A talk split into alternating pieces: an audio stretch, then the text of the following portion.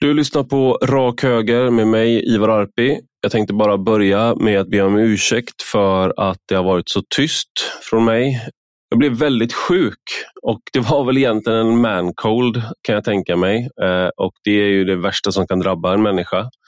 Eh, det kan också ha varit covid, så eh, någonting är det i alla fall för att jag har varit sjuk i tio dagar eller om det är mer och haft feber och varit helt knockad. Så Tyvärr har jag varit väldigt ute ur leken, men nu så är jag nästan frisk. Jag är tillräckligt frisk för att eh, jobba i alla fall. Så nu tänker jag berätta om vad dagens podd handlar om istället för att eh, gnälla om hur sjuk jag har varit. Det är skönt att vara tillbaka i alla fall. Same Egyptsson har skrivit på sin avhandling till och från i 20 år, men nu är den äntligen klar. Den är framlagd och godkänd. Titeln är Global politisk islam, Muslimska brödraskapet och Islamiska förbundet i Sverige. 744 sidor landar den på. Eh, det är många sidor och mycket som avhandlas. Tesen är i korthet att Muslimska brödraskapet har infiltrerat det svenska samhället på flera sätt. Främst via organisationen Islamiska förbundet och dess avknoppningar.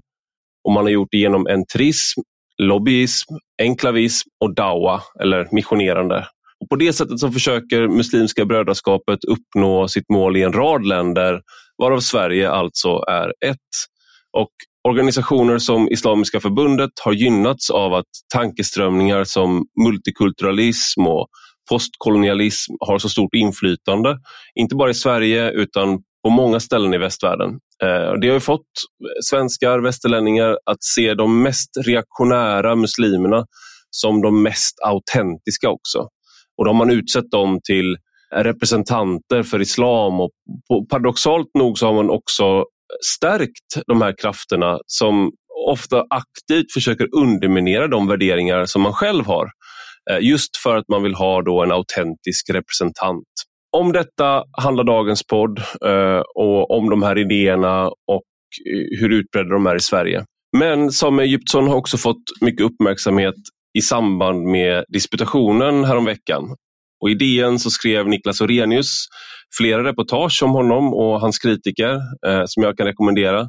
Och han var också med på den dramatiska disputationen där en i betygsnämnden ville underkänna Egyptssons avhandling och det tillhör verkligen ovanligheterna att det sker så sent i processen att någon vill underkänna en disputation. Och I liberala Sydsvenskan i samband med disputationen så skrev eh, den oefterhärmliga ledarskribenten Moa Berglöf att Egyptson aldrig borde ha släppts fram. Så mycket för att vara liberal då. I måndags så skrev också ett par professorer i etik en debatttext med samma syfte, att Egyptson inte borde ha släppts fram. Eh, och deras argument är att Egyptson namnger aktörer, placerar dem i facket islamister mot deras eget nekande. Och De kallar då Egyptsons avhandling för ett haveri för Lunds universitet. Själva är de verksamma vid det otroligt mycket bättre universitetet Uppsala universitet, som av en slump. Vi pratar även om den kritiken i podden och även om vilket ansvar han ändå känner för att han då eventuellt göder muslimhatet i samhället. Men nu till dagens gäst. Du lyssnar på Rak Höger med mig, Ivar Arpi.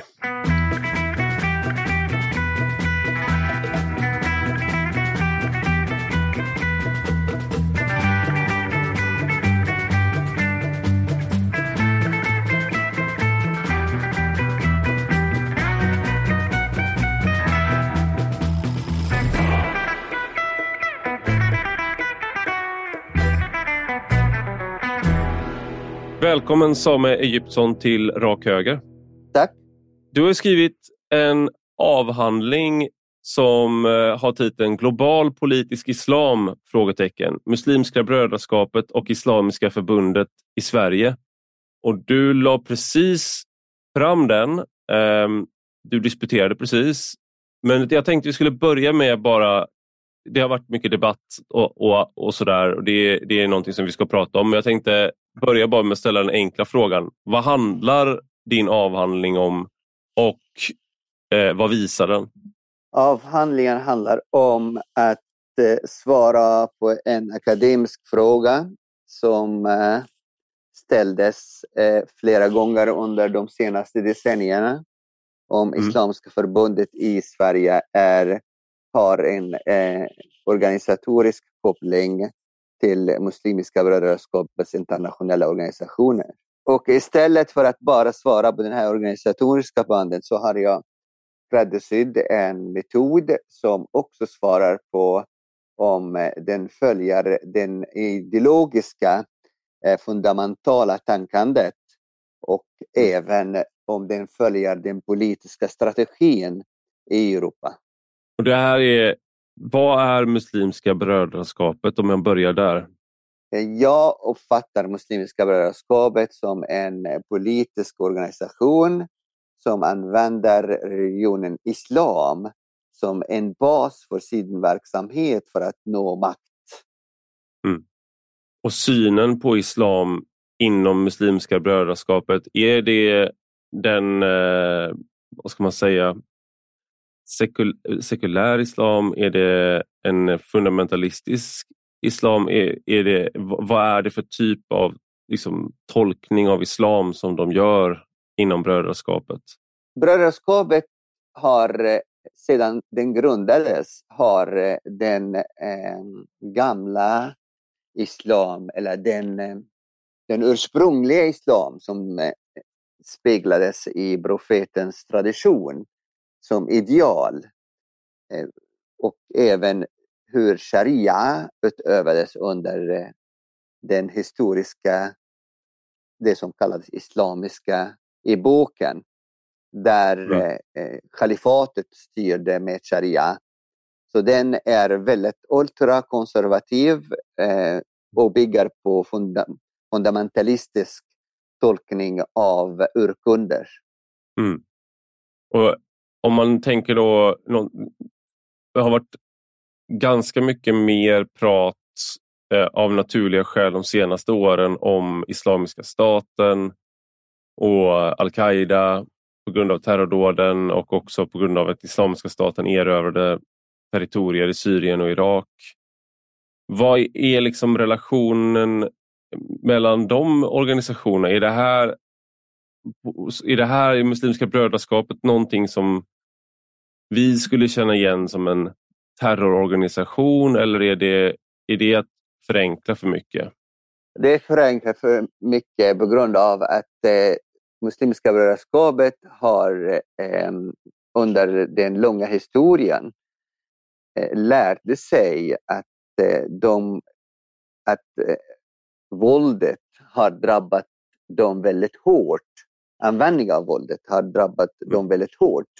Och att eh, de kan inte utöva våld innan de har tillräckligt med resurser och mm. på så sätt har de eh, uppfunnit något som heter uppskjutet jihad.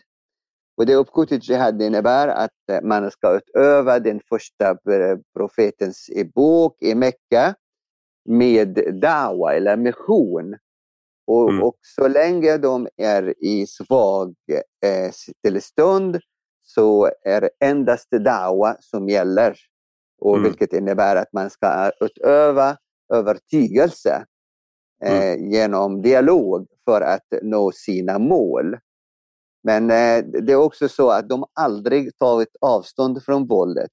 Och det beror på att egentligen de ville kopiera den eh, gamla berättelserna om profeten Muhammed. Att i första i boken var fredligt men den andra i boken när profeten flyttade till Medina så mm. utövade han våldet för att besegra fienden och att andra ska underkasta sig islams eh, överhöghet.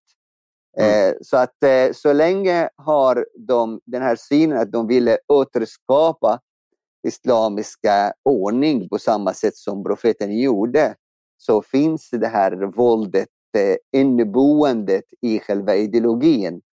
Mm.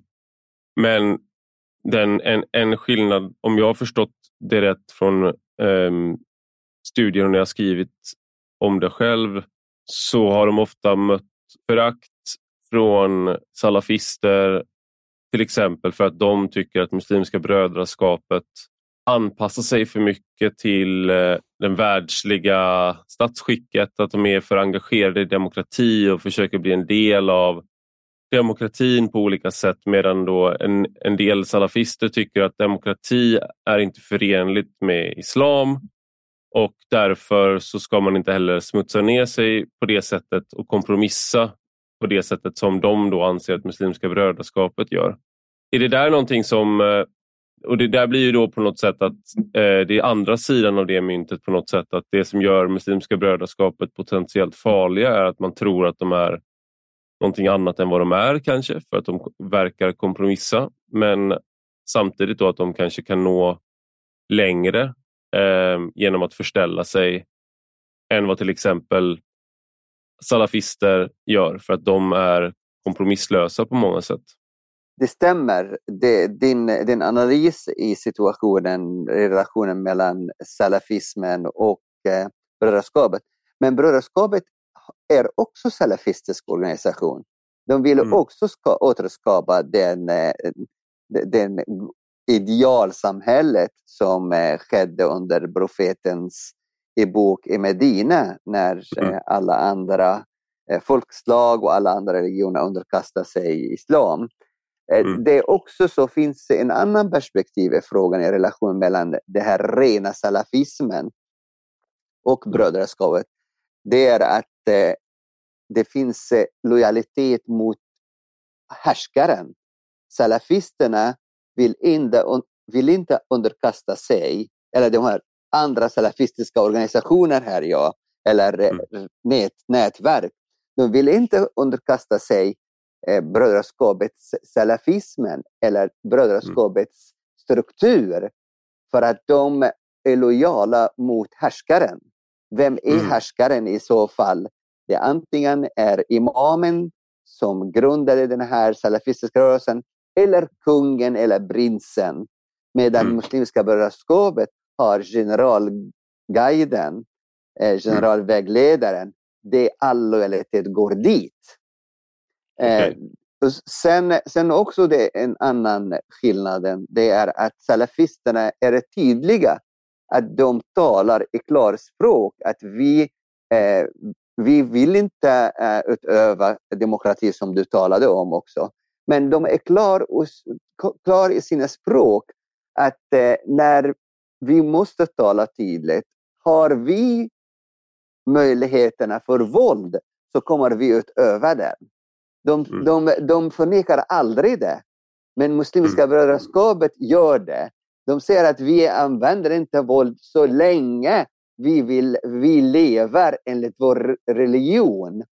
Och mm. då är eh, begreppet, eh, vad menas man då i så fall? Om, eh, om, du, eh, om vi tar det lite teoretiskt, om, om du inte får eh, till exempel eh, gifta dig med fyra, är det här mm. något som eh, innebär att du inte kan utöva din religion? Om mm. Eh, eh, en annan exempel om kvinnorna får inte hijab på mm. sig, mm. innebär det att man inte att man utsluter fredlig, freden med samhället?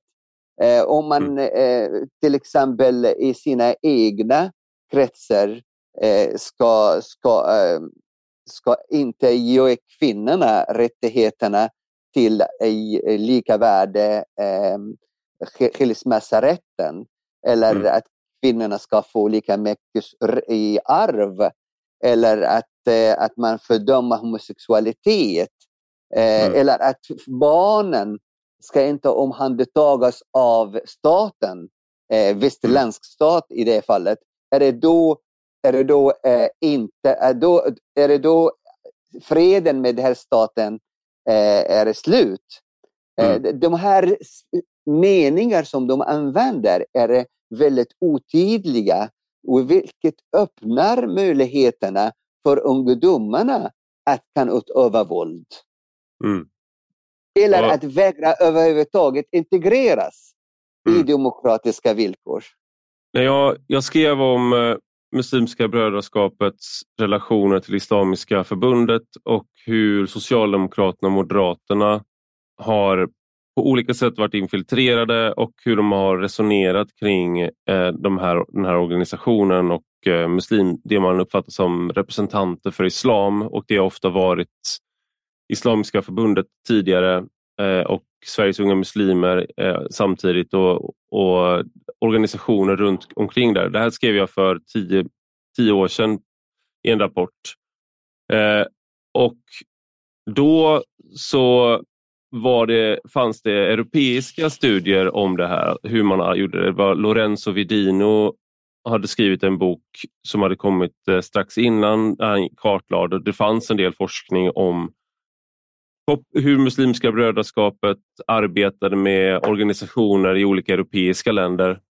Men det fanns, vad jag kunde hitta, då jag kan ha missat någonting, men det fanns ingen avhandling eller forskning om eh, att det sker i Sverige. Och din avhandling är, vad jag vet, den första systematiska undersökningen av det. Och liksom, Kan man nu, när jag skrev den här rapporten som absolut inte var en avhandling utan en rapport, eh, då tyckte jag att det var väldigt tydligt att de här kopplingarna fanns mellan Muslimska brödraskapet och Islamiska förbundet, även om i det omfånget jag skrev att det var svårt att eh, kanske slå fast, men det fanns kopplingar och det fanns ideologiska likheter. Kan man då utifrån det du har skrivit nu säga att Islamiska förbundet och, det, och organisationer som är närstående till dem är en del av en europeisk gren av eh, Muslimska brödraskapet? Jag eh, bekräftade eh, tesen med eh, väldigt hundratals pusselbitar. Mm. Eh, jag har letat efter en enda liberal teologi eller feministisk teologi i deras produktion. Mm. Jag har letat efter en eh, debatt, jag har letat efter en diskussion om eh, en, en organisationsstruktur som kopierad av, av Egypten med inre cirkel, fåtal personer som bestämmer över hela organisationen. Jag har letat eh, eh i alla dessa år och fann ingenting som inte bara eh, som strider emot tesen, men å andra sidan har jag hittat flera hundra eh, pusselbitar och bevis som bevisar att Islamiska förbundet i Sverige är den nationella organisationen för Muslimska brödraskapet. De finns i över 70 länder enligt eh, deras eh, politiska talesman i eh, internationella, eh, Josef mm. Nada.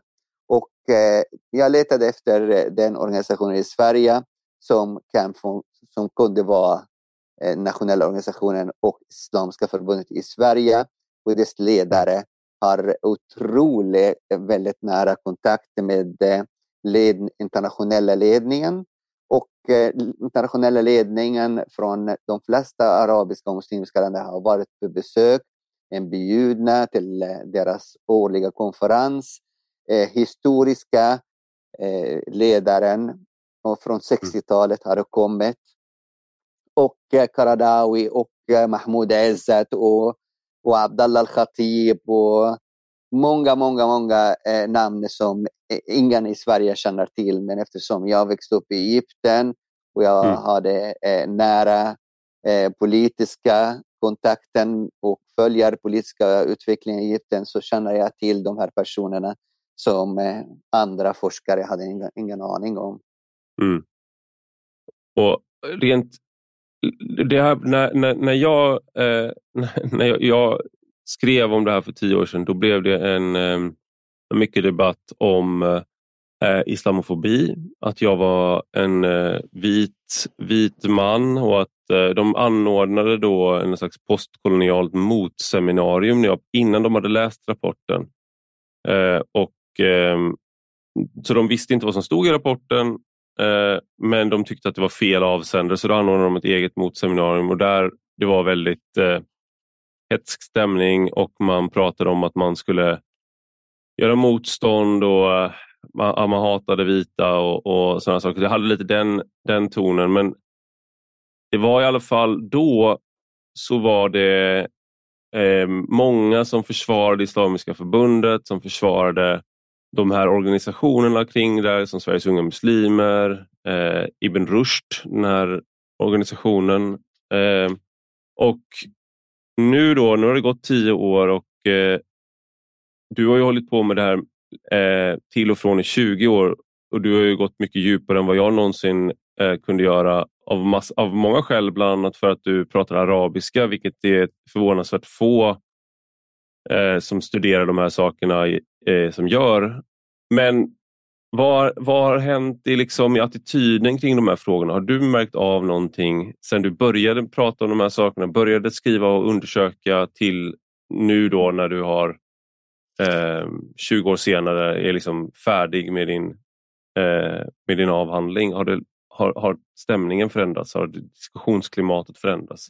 Tyvärr, eh, vi är fasta i samma situation. Eh, vänsterblocket, Socialdemokraterna, Vänsterpartiet och eh, Miljöpartiet har vägrat att eh, göra vitbok, att undersöka vad som hände och mm. ifrågasätta deras, tolkning av eh, multikulturella samhället. Mm. Eh, det, jag tror att det finns här är ett problematik att man kan inte skilja mellan politisk islam och religiös islam. Och man kan inte skilja mellan islamister och muslimer. Man kan inte skilja mellan kultur och religion. Man kan inte skilja mellan politik och religion. De mm. här, mm. Så länge man har det här perspektivet om att man accepterar andra kulturer med gott och ont och eh, relativisera förtrycket inom eh, klanen eller inom religiösa sekten eller inom religiösa samfunden är eh, problematiken är kvar och det gör att positionerna blir fast, fast, fasta. Mm. Och det blir inga öppning i debatten. Mm. Eh, och det här, eh, och så, så, har vi också ett problem med det här normkritik, normkritik att, eh, att man gärna eh, ställer kritik mot sina egna normer, mot andra mm. normer, eh, vilket de gör som kommer från eh, eh, brödraskapets associerade organisationerna eller atmosfären. Men mm. vi har aldrig sett någon normkritik för deras egna, utan att man bara legitimerar det som kultur och legitimerar mm. det som att, att, att, Eh, Eh, mångkulturella och demokratiska samhället ska acceptera det som det är. Men eh, vi har också många kritiker som kommer från den här kulturen som har kämpat hårt. Många har eh, betalat sitt liv. Jag har gett exempel när jag eh, förläste vid riksdagen i torsdags och visade att det är många muslimer som inte accepterar varken salafismen eller brödraskapets tolkning av islam. Politisk mm. islam är en politisk ideologi som har förtryckt människor i hundratals år och mm. förtryckt andliga islam och förtryckt liberal islam. Och, och eh, jag får hyllning av många muslimer, men de vågar inte gå ut och eh, kritisera de här imamerna som fått otroligt inflytande tack vare den här gödning av svenska staten till de här organisationerna. Eh, det är också mycket märkligt att den här, de här personerna som samlar sig eller som organiserade sig på 80-talet har fortfarande stor inflytande på de här organisationerna och mm. Det är bara ökat inflytande, inte bara inom politik och att de representerar mus muslimerna i politiska livet och i organisationslivet, utan att de har förhindrat en liberal tolkning av islam. Vi, vi, så, vi såg det väldigt tydligt med Hanna Gadban när hon kom ut med sin bok. Och den här alliansen mellan, eh, mellan postkoloniala teorierna och normkritikerna och har förstört mycket för muslimer. Det finns eh, idag i Egypten ser vi mer ifrågasättande för den eh, traditionella islam än vi gör i Sverige. Det hade mm. varit väldigt nyttigt för eh, islam och muslimer i världen om Sverige här som sekulär land, som liberal land, som en av de mest utvecklade sekulära länderna i världen kunde satsa istället på sekulära muslimer. Eh, satsa på eh, Hanna Gadban istället för eh, Omar Mustafa. Det, det hade varit mm. mycket bättre för, inte bara för svenska muslimer utan för den teologiska och ideologiska utvecklingen världen runt. Det finns ju det här med att den, gör, att den svenska staten göder så att säga det här. Det, det, det du visar i avhandlingen det är ju att det, de har varit duktiga, flera av de här organisationerna, på att bli en del av det man kan kalla folkrörelse-Sverige. Att man, man startar organisationer, förbund och man får bidrag för det. Och Det är det ena. Sen den andra saken är ju det du pratar om nu. Och Det är att man är i den här tanken att man ska vara eh, tolerant och att man ska vara mm, för mångfald. Då måste du hitta någon som är tillräckligt mycket mångfald eller någon som är tillräckligt annorlunda för att du ska kunna vara tolerant. Och Då letar man upp de här organisationerna och de framställer sig själva som de äkta muslimerna, det äkta islam. Eh, och det passar väldigt bra då för, Eh, för de som vill visa att vi minsann står upp för mångfalden och det multikulturella, multikulturella samhället och sådär. Och då blir sådana som Hanna Gadban var när hon kom med sin bok och du har Nalin, eh, Nalin Pekgul eh, och den typen av troende muslimer de anses inte vara representanter för islam för att de är för liberala, för feministiska eller för sekulära. Ser du någon tillnyktring i attityden från eh, politikers sida vad gäller just att ge bidrag till den här typen av organisationer eller att eh, ta in så att säga de mest fundamentalistiska eller islamistiska representanterna för att representera islam? Eh, politikerna har jag svårt med. Jag, det är därför jag, försökte, jag försöker nu att, eh, att, eh, att be politikerna att läsa hela avhandlingen. För att avhandlingen mm. visar de här komplexa relationerna mellan ideologin och politik och organisation. Så ska man tänka bara att, att vi arbetar med organisationen uh, som har mångfald inom sig. Och egentligen stämmer inte för att den bygger på en ideologisk bas som har en politisk tolkning eller politisk uttryck så mm. Eh, går, går inte att, att eh, arbeta på det sättet man gjorde tidigare. Det är en organisation som bär inom sig en ideologi som beter sig med politisk mål och politisk utopi. Det går, mm. inte, det går inte att skilja mellan de här tre perspektiven. Mm. Eh, det, det, tyvärr, det som skedde under alla dessa år det är inte politikerna som rör på eh, situationen utan det är jur, juridiken. När man, när man eh, tackar nej för, eller när man stoppar bidrag till Sveriges unga muslimer, så det var inte politiskt beslut utan att det är, kommer från en eh, myndighet. Och mm. myndigheterna, vi har fortfarande den interna kampen mellan höger och vänster i det här att Eh, vänster har adopterat stackars muslimer som ska försörja sig med, eh, med, med eh, allmänna medel. Men mm. när man tänker på det sättet, jag ville bara också öppna tankandet att när man, ja, när man försörjer de här personerna så försörjer man en ultrareaktionär sätt Eh, att eh, styra den lokala muslimska församlingar som kallas mm. församlingar, men egentligen det är för min, i mina ögon en mer klantankande politisk organisation som använder religion som ett medel för att få inflytande på de svagaste, i det fallet kvinnorna och barn eh, och mm. olikstänkandet och homosexuella. Jag eh, också eh, märker att Eh, det finns också ett problematik inom höger, vilket gjorde att det blev inte avgörande när vi, har, när vi får en eh, regeringsskifte. Att mm. Kristdemokraterna försöker skydda de eh, kristna församlingarna eller de fria kyrkorna från reformen. Så att man skiljer tydligt mellan staten och religion eller staten och samfund. Och sen har vi också Moderaterna som har fortfarande det här eh, multikulturella falangen som försöker eh, kompromissa i frågan om religiösa grupper. I så fall i det man ser brödraskapet som en samfund. Mm. Det är också fortfarande problematiken att, att man vill inte ens se skillnad mellan samfund och politisk organisation. Även om de här organisationerna presenterar sig själva som samfund.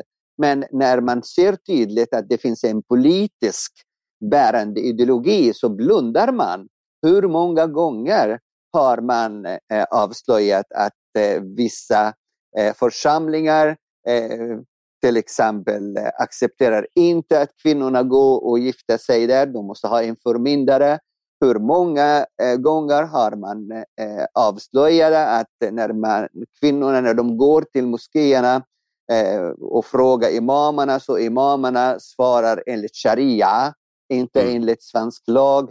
Det får man sedan lång, långt tillbaka eh, bevis att det här är politiska organisationer. Men ändå fortsätter man att eh, inte ta beslut utan att man mm. förskjuter det och det gör att de blir starkare och starkare och eh, det blir svårare och svårare senare att, eh, att bekämpa den, de här ruttna eh, gamla traditionerna som mm. kommer till Sverige och rotar sig med skattemedel.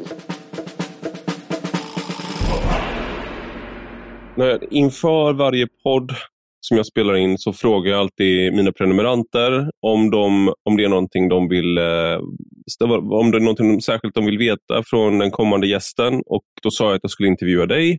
Och Eh, då dök det upp en fråga som eh, jag tycker går in lite, för vi pratade om Hanna Gadban tidigare som ett exempel på någon som hade varit kritisk till islamism och till de här reaktionära krafterna inom islam men hon är själv troende. Men hon var också själv har blivit tyckt, känt att hon eh, blev på något sätt kidnappad eller att folk ville göra det med henne från vad hon såg som rasistiska krafter eller vad hon kallade extremhöger och hon tog avstånd från det då i sociala medier bland annat. Och Den här frågan då från en läsare var om du tycker att du spär på eh, ett muslimhat med eh, din avhandling?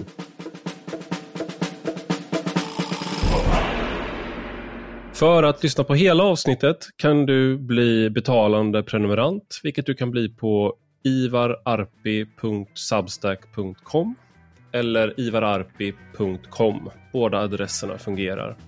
Och för 5 euro i månaden eller 50 euro om året så får du både allt gratis material men du får också ta del av diskussionstrådar som bara är för betalande prenumeranter. Du får tillgång till vissa podcastavsnitt som bara är för betalande prenumeranter och vissa texter som bara är för betalande prenumeranter. Och jag har ingen reklam, jag har ingen, tar inte emot några pengar från marknadsföring eller liknande, utan jag förlitar mig helt och hållet på er läsare och lyssnare. Så genom att bli betalande prenumerant så gör ni det möjligt för mig att fortsätta att vara en självständig röst.